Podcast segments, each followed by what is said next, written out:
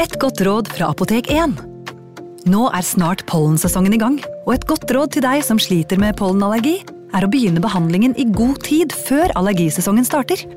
Da får du nemlig enda bedre effekt av legemidlene, og så blir ikke våren din helt ødelagt. Kom innom og få råd på ditt nærmeste Apotek 1, eller chat med oss på apotek1.no.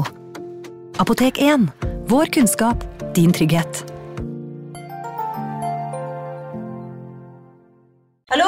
Jeg kommer fra Oslo politikammer.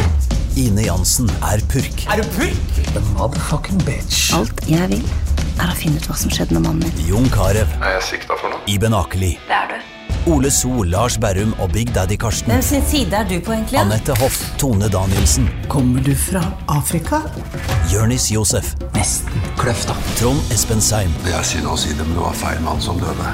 Purk. Premiere tirsdag på TV2 Play.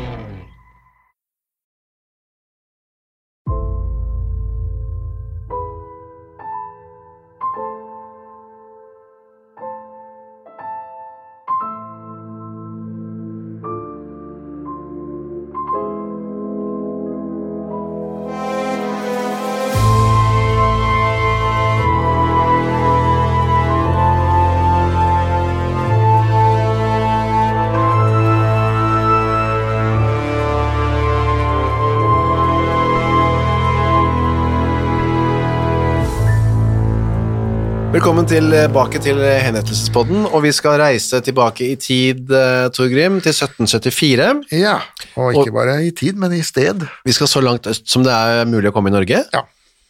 Vardø i Finnmark. Eh, si litt om Vardø i Finnmark i februar 1774. Hvordan var det der? Ja, altså, eh, stedet var jo dominert fullstendig av eh, festningen. Ja, Eh, Det er jo en ganske stort festningsanlegg som, som ligger der, og er veldig gammelt også. Og der eh, eh, var jo tjukke murer og eh, en garnison med soldater. ja, som var ut der for å passe på grensa østover mot eh, Russland. Opprinnelig så var det deres jobb, men eh, på dette tidspunktet her så var jo Russland vår allierte. Ja, Vi var eh, faktisk vår eneste allierte. Eh, Det var eh, Grunnen til at Norge ikke er en eh, svensk len i dag, er jo stort sett denne alliansen der, hvor hver gang svenskene forsøkte på noe, så raslet tsarinaen, Katarina den store, eller hennes sønn Paula med sablene. Og så, så vi var i grunnen under, under russisk vern der da. Altså, det, å passe på grensen var ikke noe, men det de også passet på, var forbrytere. Oh, ja.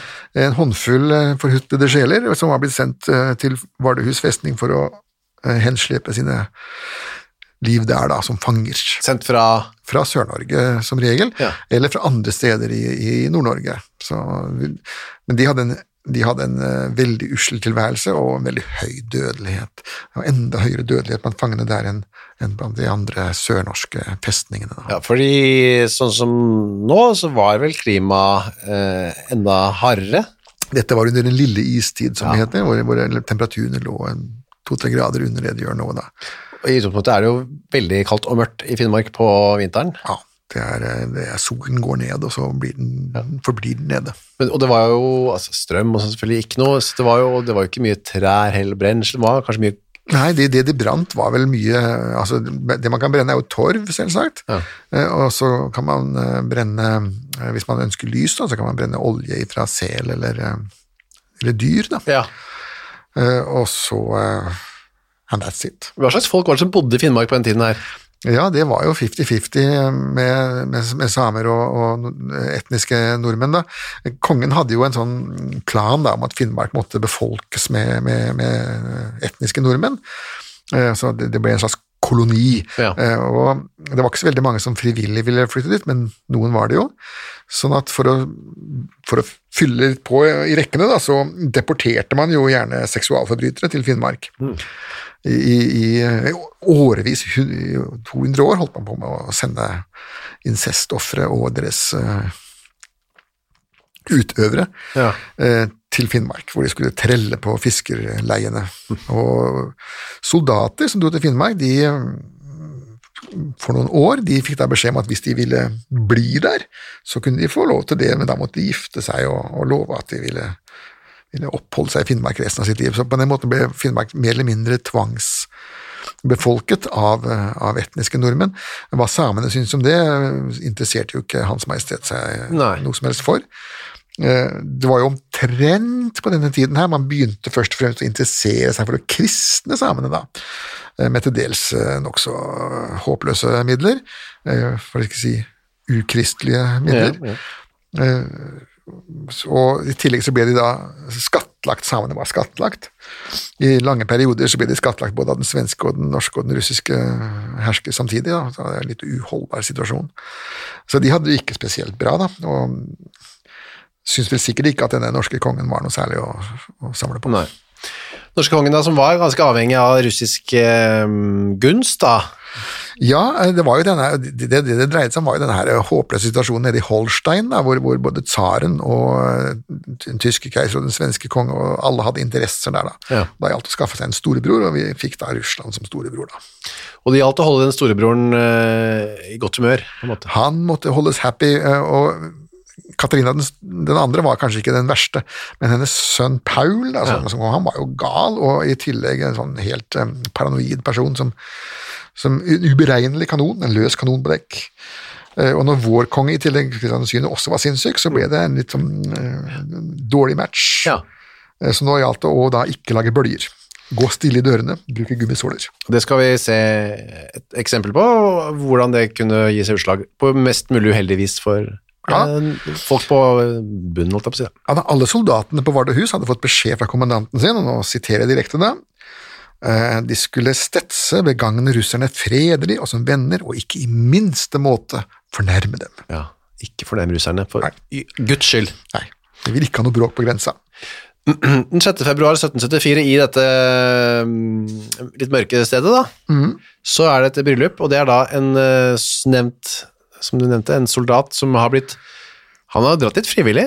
Ja, han har dratt dit frivillig, og det var grunnen til at han gjorde det, var jo at han hadde ikke noe eh, annet å komme tilbake på. Han kom fra den Rokstadøyene, som var en elendig husmannsplass, og eh, hva skulle han leve av? Det, man kunne ikke arve en gård, og den gården var ikke særlig å arve heller, så han vervet seg som soldat og ble sendt til eh, Vardøhus. Støren er de de snakker om, ikke sant? Han Ja. kom fra utenfor Trondheim. Så var han eh, trøndersk soldat, 26 år gammel, eh, gifter seg den 6. februar 1774 med en eh, som heter Mette. Ja, en 67 år gammel jordmor. Ja, og det er jo litt, eh, selv i våre dager er det ganske uvanlig, den Ja, alders... eh, men den gangen var det veldig vanlig. Så vanligere da. Ja, man, en ung mann gifter seg med en gammel dame, mm. i håp om da, at hun da dør om ikke så lenge, så, og arver han da hennes plass, hennes Så du er hus. sikker på at han ikke er forelska i henne? Ja, altså? ja, ja, ja, helt sikker. ja vel. Eh, Så eh, Det som ofte skjedde da, var at så er jo denne mannen i mellomtiden blitt litt årskommen og gifter seg med en ung dame. Ja. Eh, Denne unge damen har da samme ambisjoner, Riktig, ja. nemlig at nå skal den gamle mannen etter hvert dø, så kan jeg få meg en, en Og sånn fortsatte det da. Og det var greit, liksom. Det var ingen som syntes at det var noe dumt eller uspekulert. Høyesterett uttalte seg i ett tilfelle om det, at, eh, men det var sent på 1800-tallet, at eh, dette var et ekteskap som var inngått så stikk i strid med naturens normale orden at, oh, ja. eh, at når denne gamle damen da til slutt ble drept, så var det vel egentlig hennes egen feil. Oh, ja, sier du. Ja, Høyesterett uttalte seg veldig skarpt før, de er blitt mer puslete nå. De er blitt mer diplomatiske igjen. Ja. Ok, Mette hun hadde også sin eh, historie. da. Hun hadde vært gift tre ganger før. Ja. To av dem hadde dødd på sjøen, så vidt jeg skjønner, på denne sangen som vi har Ja da. Denne Skafott-sangen, eller hva du kaller det, Skafott-visen. det. Mm. Det er en sånn Skafott- Skafott-vis etter um, dagens hovedperson òg. og der står det at to av hennes menn var døde på sjøen, som man jo Det måtte man regne med på den tre, tiden. tre sønner samme snare, og døden underskrev, sånn at det, familien hennes den, eller, døde. Ja. Hun har bodd i et da veldig forgjeldet eh, hus. Ja, og det var fordi at hun, hun ernærte seg jo som, som jordmor, Ja. Uh, og poenget var at det ble jo ikke født så veldig mange barn, uh, og det var jo ikke mange som ville ha jordmor heller. Nei. Eh, det var jo, på 1700-tallet var det jo selv i Sør-Norge eh, så var det jo stadig brev fra fogder og sogneprester om eh, hvor motvillige bøndene var til å hanke inn en jordmor. Fordi man klarte seg selv, var det det? Eh, Ja, fordi det kosta penger. Oh, ja. Ja, riktig. Og det beskreves jo også i hele Europa, egentlig, på den tiden her, at når jordmoren kom til gårds, så ble hun først sendt i fjøset. Oh, ja. For hun fungerte også som dyrlege da, Ja. Og måtte se på hesten først, for den var viktigere. Hvis hesten daua, så var det et tap. Ja, Hvis kona døde, så fikk du ny kone og ny medgift. Så det var en inntekt. riktig. Så det var, eh, hun måtte først gå i fjøset og, og stallen. Så en følge av det så, så ble eh, hun en livsfarlig bakteriebombe, fordi hun da plukket opp når hun var i stallen og så Ja. på såre hov, hover og, og jurbetennelser. Det var jo da streptokokker og klostrider, altså livsfarlige bakterier, som hun så fikk på seg. Så går hun direkte inn til fruen til slutt, da, som skal føde Ikke noe håndvask. og overfører det til henne. Vi hadde en, en sak, jeg tror det var fra Sveits, eller noe, hvor en, eh, alle damene som den spesielle jordmor hadde under sin hånd, i løpet av to år døde, samtlige hver eneste en, og da til slutt så hengte hun seg selv. da. Hun skjønte etter hvert hva det var. Hun skjønte vel ikke det, men hun trodde at det var en forbannelse. Ja, det var noe med henne, ja. Ja, Ja, det var det, det, var det jo òg, men det var jo ikke hennes skyld, det var jo sånn tradisjonen var. da. Man visste ikke det var Semmelweis, ikke sant? Semmelweis som begynte å vaske, vaske Ja. Han begynte å vaske hendene, men det, selv han møtte jo motstand, da. Ja, ja. Dette vet vi ikke hvor mye Mette eh, Eriksen, Eriks datter tenkte på. Um, har egentlig ikke noe med historien å gjøre, bortsett fra at hun var jordmor, da. Ja, hun ville bare ha en mann i huset som kunne ro fiske og, og, og gjøre tungt arbeid, slik at hun kunne overleve. Ja. Han Erik hadde da, som du var inne på, bundet seg til å være soldat i seks år. Eh, eller det var du kanskje ikke inne på, men han var det. Ja da, sånn uh, gevorben. Ja, I 1771 kom han dit, eh, og da mm, begynte å være ved denne tjenesten, med denne festingen av Vardøhus. Er den fremdeles eh, oppe og går, eller den Ja, festingen? den er, altså, hvor mye militær verdi den har nå, det, det er vi ikke sikre på, men stedet er der, og det kan besøkes. Det er mer som et museum. Ja. Så hvis du først er i Vardø, så, så ville jeg jo absolutt gått dit, ja, og sett på hvordan Ja, det så ut. Um, da eh, møtte han Hvordan han møtte Mette, det vet vi jo ikke, da. Det er jo ingen stor plass. Eh, Det bodde ikke mange mennesker der den gangen. Eh, Så vidt jeg har forstått, så er det fraflytningsbygd fremdeles, men den gangen så bodde det veldig få mennesker eh, der. og han befant seg jo ikke på festningen 24 timer i døgnet, tvert imot. Altså, som sagt, Den jobben han hadde var jo veldig enkel, det var jo bare spørsmål om å ha en soldat der. Sånn at veldig mange av disse soldatene de gjorde forefallende arbeid på gårder og, oh, ja. og, og hadde sivile bigeskjefter da, ved siden av. Så han kan ha møtt henne eksempel på hennes gård, eller på eh, kanskje Absolutt. en absolutt. kafé eller noe sånt, Ja. kanskje. Ja, kanskje ikke så mye kafé, men Søt musikk, Ja. eller eh, fornuftig musikk, ja, fornuftig musikk. oppsto, og de, han søkte da sin eh, ledelse om å få lov til å gifte seg, Ja, og fikk ja. Ja da, og dette var jo som sagt et genialt eh, ledd fra, knep fra kongen. Da Hvis, eh, da må du, du få lov til å gifte deg, men da må du også forplikte deg til å forbli i Finnmark Ja. etter at de seks årene er gått. Men hva hvis han da etter sju år, eh, altså når han var fri, flytta sørover, hva skjedde da? Ja, Hvis han hadde gjort det, og, og liksom brutt avtalen, da, eh, så ville det jo vanke en form for tiltale og sannsynligvis bøter. Så langt kom han ikke, så det kan vi røpe allerede nå. Det ble ikke et problem for han. Nei. For han fikk eh, da tillatelse, ja, hvis du blir boende i Finnmark forever, så kan du gifte deg, og det gjorde de. Ja. Uh, og hvordan det ekteskapet fungerte, vet vi ikke. Det ble selvfølgelig ikke noen flere barn. Men de levde nå sammen, da. Erik og Mette, og barna var der òg. De som var igjen. De som var igjen, ja. Foreløpig, ja. Så kom da den skjebnesvangre dagen. Um, Det er veldig fortettet. Det er jo ikke ofte liksom, handlingen foregår på så kort tid som det vi skal til nå. Nei. Det er, det er en liten kruttønne som, som har ligget der lenge, da, med, med disse eh, russerne som møter nordmennene, men eh, så skal det da den lille gnisten til, så Ja, så eksploderer den. Søndag den 14. august 1774, det er altså en deilig, veldig lys sommerdag, kan vi tenke oss til. Ja, det er vel lys lyst døgnet rundt. Ja. Lensmannen i Vardø, Hans Nilsen, skal ro til Persfjorden. Nå vet jeg ikke helt hvor det er i forhold til Ja, jeg, jeg tror det er enda lenger øst. Enda lenger øst, ja. Han har med seg da Erik, vår venn, Rogstad, som skal hente høy. Til den ene kua han og Mette har, da. Ja, formålet med turen er å hente høy, men hvorfor kunne de ikke ha, var det ikke eh, åkre, jorder?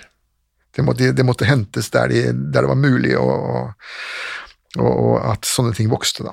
Ja, høy til kuene, og det må man ha, ellers dør kuene, og da dør de òg, mer eller Ja, altså kuene kan Det, det man gjorde mange ganger, var at man, man ga dem bark Ja. og, og greiner og kvister og all mulig slags nødmat. Eh, Men i dette tilfellet hadde man altså muligheten for å få tak i noe høyt. Ja. Og det er en tredjemann med oss, som heter Lars Larsen. De ror eh, over til eh, Persfjorden, kommer fram på kvelden, og der i Persfjorden er det da russere. Ja, det er noen russiske fiskere da, som har, som har bygd seg opp en liten hytte. Eh, Og har tydeligvis tenkt å bli der en stund. og med fiske da, altså De bor ikke der permanent, men de har lagd en slags gapahuk-lignende struktur da, mot vær og vind. Og så ror de ut og fisker på dagen. da, så, Ja, ja, så, så, um, Men så har de sine hjem på den andre siden av, av grensen. Ja, for dette er, ikke, dette er i Norge fremdeles. Det er i Norge, ja. Um, nå er det slik at disse russerne de, de er kommet hit for å drive med fiske, og så Ja. drar de tilbake igjen til sine, til sine hjem. Da. Eh, Litt eh, øst for den grensen så har du den såkalte Fiskarhalvøya, da, eller Kapp Kanin, hvor, eh, hvor det da bodde nordmenn helt fram til eh, andre verdenskrig. Det Ja. var Stalin som da slo ned på dem, da. Og sa at det var en norsk koloni på den siden av grensen, men det var ikke noe tilsvarende russisk koloni på vår side. Nei, Men at det har vært litt sånn flyt fram og tilbake over grensen, det er tydelig at det har holdt på ganske lenge, da. Ja da. En av disse russerne het Filat Vasiljevitsj Kubasjov. Ja. Han var fisker og full. Ja, og det er eh, i og for seg også ikke noen god kombinasjon. Han eh, ser hvem som kommer roende. De sitter sikkert og drikker, da, disse russerne. Ja, eh, vodka er jo en av de eldste oppfinnelsene som russerne har, da. Ja. Og styrker seg på det. Det er sikkert ikke så mye annet å gjøre heller på, ute på kveldinga der. Sommernatten er lys, og hva skal de Ja. gjøre? Nei, da, og, og vodka lager man jo selv da, av, av strå. Gjør man det? Eh,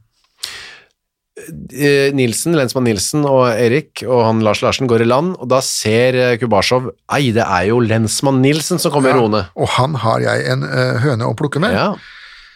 Um, og, det å være full og samtidig ha en høne å plukke med noen, det er en enda dårligere kombinasjon. Da ender det gjerne opp med blodsutgytelser, da. Og hvilken høne var det Kubasjov hadde å plukke? Nei, at, at Kubasjov eh, var jo en sånn som kom hver sesong, han, og, og fiska. Ja. Og så gadd han ikke ta med seg fiskebåten sin hjem igjen, sånn at han lot den ligge der, men da måtte tjene noen passe på den, og det var lensmannen, lensmannen på Vardøhus. Han skulle da passe på fiskebåten til uh, Kubasjov.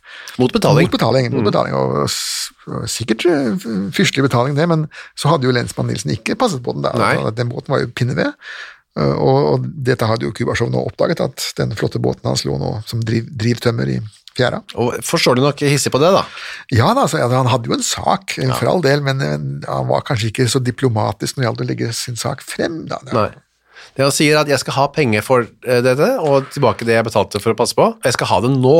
Ja, og det var det som var clouet, for at lensmannen sier det er klart du skal få det, men jeg skal bare samle sammen høyet først, og så skal jeg øh, gjøre de tingene jeg skal, og så, så drar jeg tilbake og så skal du få pengene dine. Ja.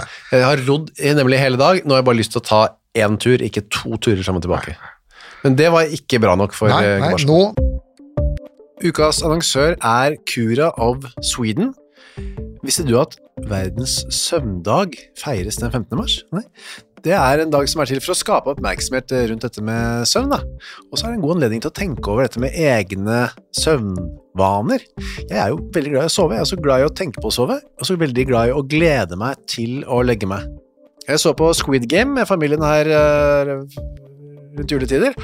Der legger jo deltakerne seg eh, hver kveld da, i sengene sine, og da, det kunne jeg nesten synes var høydepunktet av Squid Game, var når deltakerne la seg. Jeg synes det så så deilig ut å legge seg. Nå hadde ikke de Cura of Sweden vektdyner, da, riktig nok, eh, som hadde gjort det enda bedre. Det er en ny studie nå fra Uppsala universitet som viser at vektdyne, bruken av det, øker melatoninnivået hos friske unge voksne eh, når de legger seg. Da. Og melatonin det utskilles for å fortelle kroppen at det er på tide å sove, og så kan det bidra til å øke trøttheten. Da. Med andre ord, har du en vektdyne fra Cure of Sweden, så får du mer melatonin og enda bedre søvn. Da. I tillegg til vektdyner og tepper, så har Cura også andre produkter som skal gjøre søvnkvaliteten vår bedre, blant annet AirTemp-madrassen de har, som hjelper til med å regulere kroppstemperaturen. Altså, det er så mye å boltre seg for oss som er glad i å sove. Og fram til 15. mars så feirer Cura verdens søvndag med opptil 60% rabatt på curaofsweden.no, og bruker du koden vår HENRETT med to t-er, får du i tillegg 25% avslag på både originale og nedsatte priser. Sov godt! Ukas annonsør er Next Story. På Next Story så finner du hundretusenvis av e-bøker og lydbøker. Du finner folk som jeg har eh, intervjuet og snakket med, og liker bøkene til. Agnes Ravatn, hennes siste bok. Gjesten er der. Nina Lykke, sin siste bok. Vi er ikke her for å ha det morsomt, er der. Og så er det jo det er krim, biografier, essays, eh, romantikk, savnhistorier, barnebøker, faktabøker, spenningsbøker, science fiction. Alt mulig du kan tenke deg. Og også bok av uh, Torgrim Sørnes. De henrettede igjen, Ondskap, for eksempel. Det er da uh, Torgrims gjennomgang av en del av sakene fra 1800-tallet, som endte da med halshugging, som de gjerne gjorde. For eksempel Kristoffer Svartbekken, denne snikmorderen fra um, Elverumsdraktene, som pryder også coveret, ser jeg, skummel type. Eller da, som sagt, forferdelig mye annet. Gå inn på nextstory.no skråstrek henrettelse registrer deg der, så får du seks uker gratis tilgang til nesten uendelig mange bøker. God fornøyelse. Nå, nå. Um, Helst i går. Ja. Så da, det han gjør, er at han tar tak i brystet på lensmann Nilsen. da. Ja, eller en vanlig truende håndgrep. Som Ja. det heter. Øh, Han har, men han har noe i hånden ja. også. En han har en børsepipe, altså ikke et gevær, men altså løpet på et gevær. Ja, men hadde tatt med seg, for han så Nilsen kom sikkert, da. Ja, går ikke rundt med sånn ja, børsepipe. og så, og så skal han liksom eh, veive rundt med den, da, men, men så mister han den. Ja. Og den detter da ned på foten til lensmannen, da. Au, det gjør ja, vondt. det, det, det gjør det jo. Ja. Han hadde jo ikke vernesko på seg, han heller. Det var jo komager Ja. den gangen, da. Sånne litt myke sko. Altså Veldig mange av de klesdraktene de hadde i Finnmark på den tiden, der var jo opprinnelig samiske oppfinnelser. Mm. Men Nilsen får vondt i foten, øh, skyver av Kubasjov fra seg, tar et markgrev. Ja, et sånt, et sånt greip, som vi, som vi sa der vi vokste opp, da, hvor vi skulle grave i sanda øh, for å få fram mark. Ja. De brukte det til å sette på, agnet, da. Så man holder foran seg som et sånt uh, forsvar, da. Ja, sånn som triforken til Mm. Poseidon, ja. Kubasjov trekker kniv, alle hadde kniv. Ja, så nå, dette eskalerer jo fullstendig ut av kontroll her nå, og godt forsynt med, med vodka da.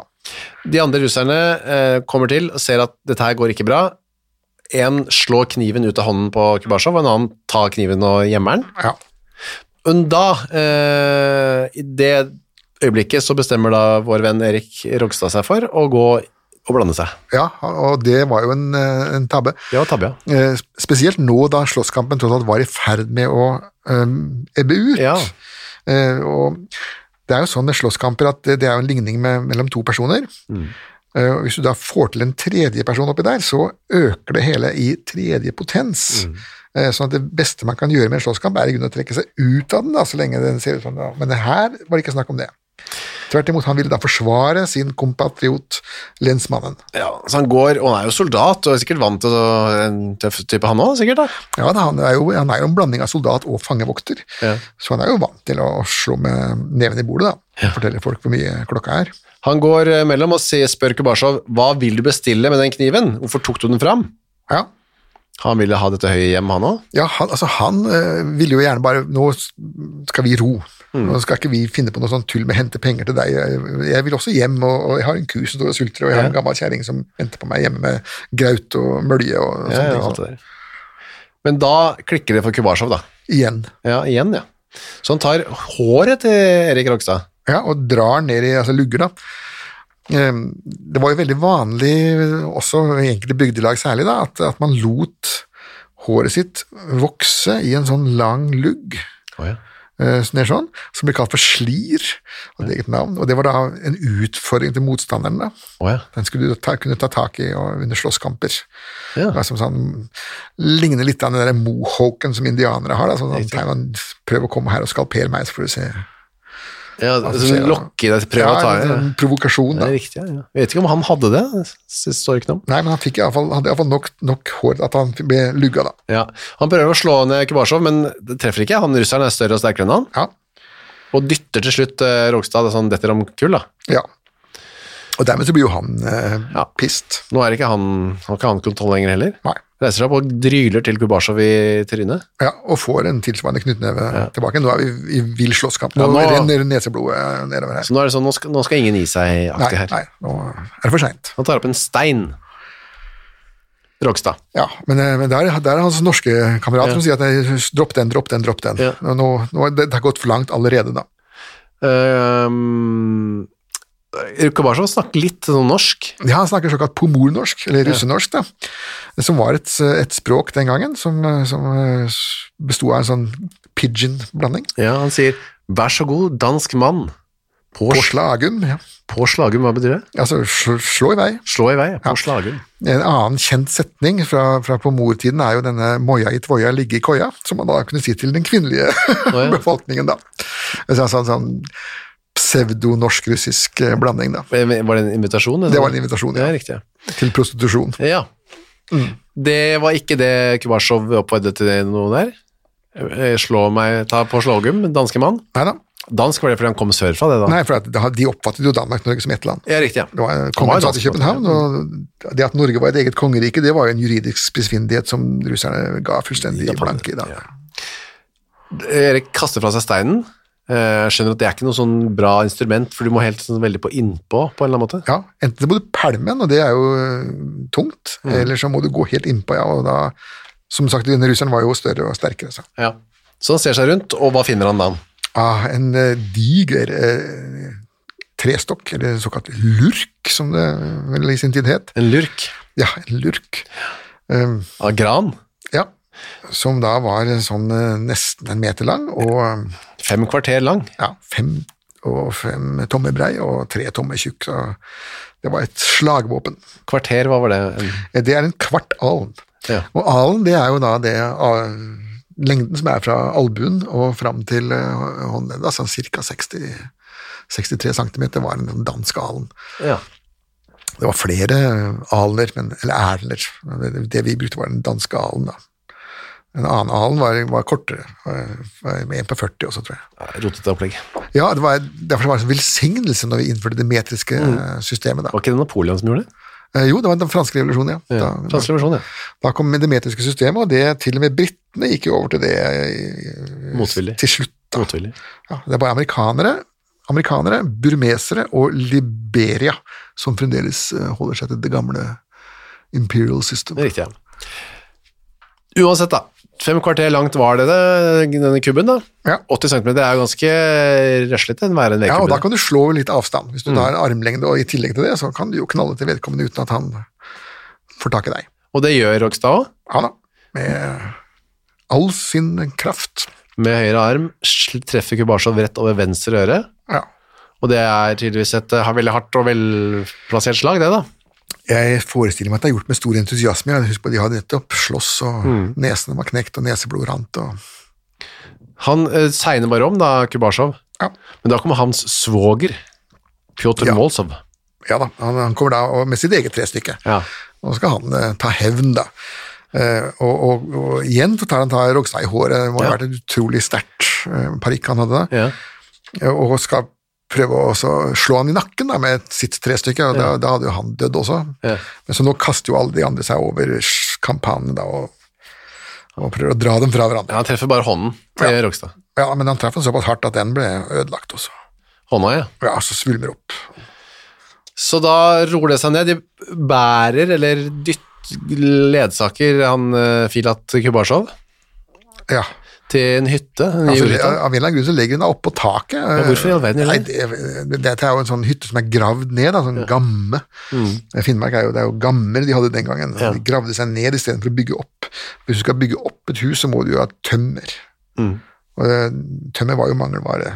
Så det var mye lurere å grave seg ned, og så lagde de et tak over hvor de hadde torv. da, Så da kunne det bli et ganske lunt, lunt og fint sted. det. Ja. De bar den ikke inne her, da. de la den bare oppå i taket, som du sier. Ja, Eh, Men så, så begynte han å valse rundt der da, i, i ørska, så de måtte leie han inn i, inn i hytta. da. ja, der går han, klarer han å gå litt selv, da. Ja, Det er helt utrolig altså, hva folk kan gjøre med dødelige skader. Men eh, utover kvelden og natten så blir han dårligere. Lå og gisper uten å tale, står det. Men så dør han, da. Til slutt så dør han, ja. Klokka to. Ja. Og da var det ikke snakk om å stikke av for Erik eh, Røgstad. Nei, altså hvor skulle han nå stikke av hen? Han befant seg jo på en måte i det ytterste av det ytterste. Han kunne rodd til Russland. da. Ja, det, det kunne han jo ha gjort, og det, det var det jo folk som gjorde.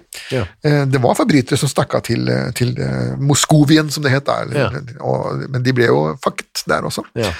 For de, ikke kunne de språket, og ikke kunne de skikkene, og de, ble jo, de stakk jo ut som en rød tann, ikke sant? så de ble jo bare dratt inn og sendt tilbake til Norge. Han tenkte kanskje også at uh, dette er jo et slagsmål, det var jo et slags uhell, tross alt. Det var ikke meningen å drepe han. Det går kanskje greit. Ja, og han mente seg jo selv egentlig den fornærmede part. Den angrepne part. Ja, det var jo Kubasjov som begynte. Ja. Sånn at eh, han, han hadde nok stor tro på at dette skulle kunne løses. Og han rapporterer da til sjefen sin da, på festningen. Jep, og det blir et forhør og, og det hele, og den eh, russeren skulle da obduseres, men det nekter de andre russerne. Ikke, Ja. du kan se på liket, men du får ikke obdusere. Hvorfor ikke det? Nei, det er mange som har imot obduksjon. Eh, De syns at det er en form for eh, likskjending. Da. Ja. Um, og det er jo fremdeles den dag i dag, det. Eh, Fremdeles den dag i dag har jeg vært med på å foreslå obduksjon for slektninger, og de har sagt nei, det, det syns de ikke noe om. Nei, de vil skjære kroppene. Ja, og det, det er slik at det, vi kan ikke tvinge noen til å gå med på at den og den blir obdusert, med mindre det er snakk om en jeg tror loven sier at det skal være en allmennfarlig smittsom sykdom, Ja. eller mistanke om forbrytelse. Det er altså Ja. rettsmedisinsk. Det kan du ikke nekte for, men vanlig obduksjon kan du nekte. Men det var vel ikke noe egentlig så mye å lure på heller. Nei, en frisk og oppegående mann får et kakk i huet og er død. Ja. Det skulle være obduksjon, blir da sånn, igjen sånn rent pro forma, da. Han sier han tilstår selvfølgelig selv òg, han har jo allerede gjort det. Ja da. Og sier eh, han beklaget i den ulykkelige tid hvilken, hvilken han gjorde et så uforsiktig og uformodentlig slag på den røde, døde russ. Filat, altså, ja. Ja. Som han aldri haft, hadde hatt minste uvennskap til. Nei, og det han mener å si her nå, er at dette er ikke overlagt. Nei. Eh, Det er ikke engang forsettlig. Han visste ikke hvem det var engang. Nei, altså dette, her, dette er ren våde. Han hadde jo tross alt kommet med den børsepipen og trukket kniv. Ja, og, og, og han får jo de beste attester her, Rogstad, da, at han har ført et stille og kristelig, edruelig og upåklagelig liv og levnet, som det står her. Hadde et par sånne utskeielser i fylla, riktignok. Ja da, med formegen drikk, ja. Har overilet seg. ja. Altså han tålte tydeligvis ikke så mye sprit. Nei, nei, men dette var jo ikke noe, han var jo ikke full her. Nei, nei da, han, eh, han var jo ikke det. Han hadde jo tvert imot vært med å ro, eh, men han var jo sliten da, så han rodd eh, hele dagen. Jeg ville hjem og gi mat til kua si. ja. Ja, ja da, og hjem til, hjem til jordmora si og sikkert få seg et bedre kveldsmåltid. Ja. Men eh, han slipper ikke løs, han blir sendt til Trondheim. Der det, er det krigsrett der nede. Ja, ja det er krigsrett. Forhøret ble gjort på, på Vardøhus, men Ja. selve krig, krigsretten, da skulle de ha litt større, større kanoner. Litt Må han mer- gå fra Vardøhus og ned til Trondheim? Da? Nei, det er båt. Det, de, båt, de, de, de bytter båt der. De, det, de slapp å marsjere. Um, eh, mesteparten av transporten i Nord-Norge foregikk da med båt. Det var ikke så mye veier i det hele tatt. Og ut av nedover, da. Masse sjø. Masse sjø.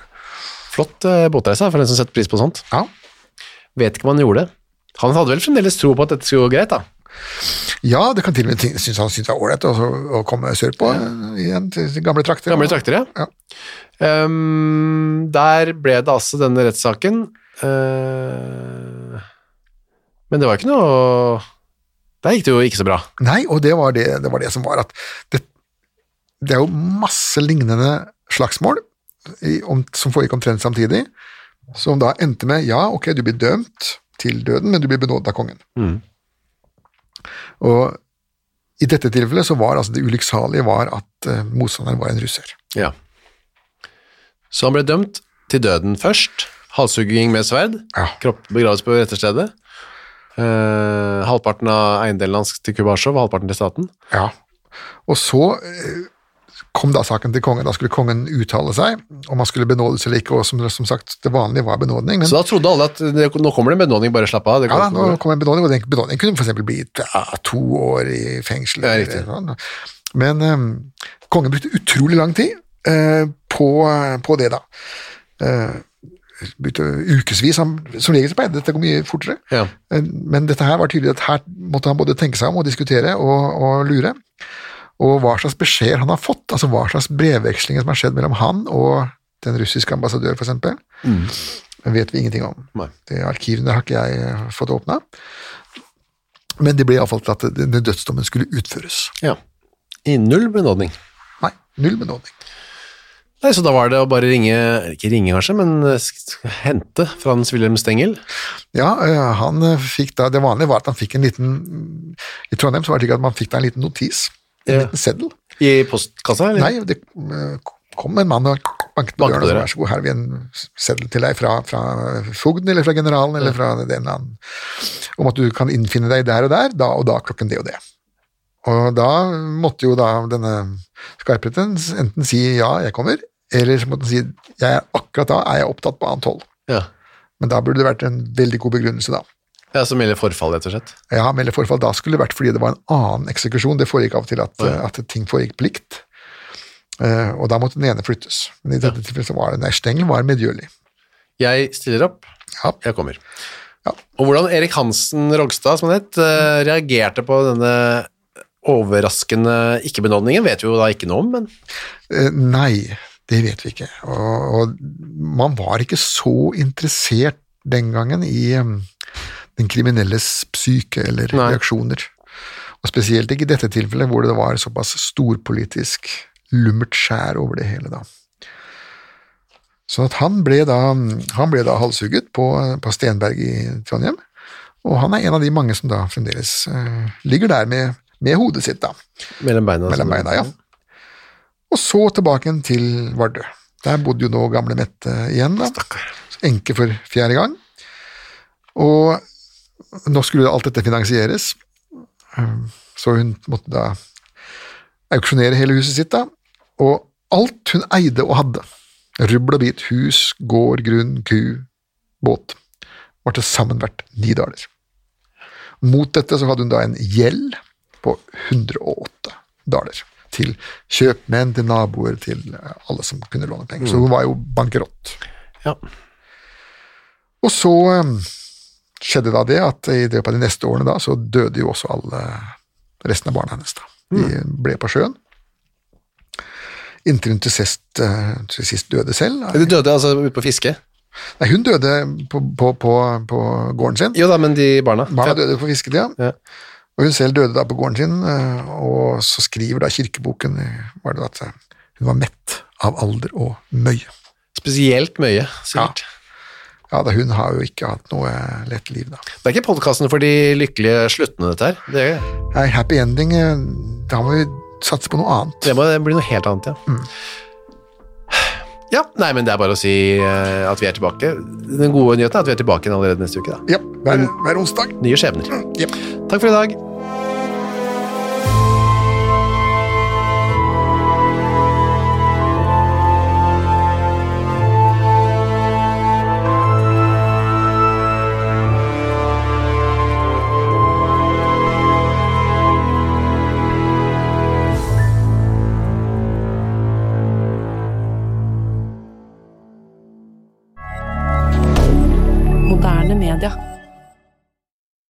Har du et enkeltpersonforetak eller en liten bedrift? Da er du sikkert lei av å høre meg snakke om hvor enkelt det er med kvitteringer og bilag i fiken, så vi eh, gir oss her, vi. Fordi vi liker enkelt. Fiken superenkelt regnskap. Hei, takk for at du hører på Henrettelsespodden. Skulle du ønske at du kunne høre en ny episode av denne podkasten hver eneste uke? Ja, da er det bare å laste ned podkastappen Untold med en gang. I tillegg til at du får da Henrettelsespodden en gang i uka, så får du andre ukentlige podkaster som Historiepodden, True Crime-podden og Gangsterpodden, for å nevne noe. I tillegg til masse annet reklamefritt og eksklusivt innhold, blant annet noen godbiter, da, signert Torgrim og meg. Last ned Untold i AppStore eller på Google Play, og start din 30 dagers gratis prøveperiode i dag.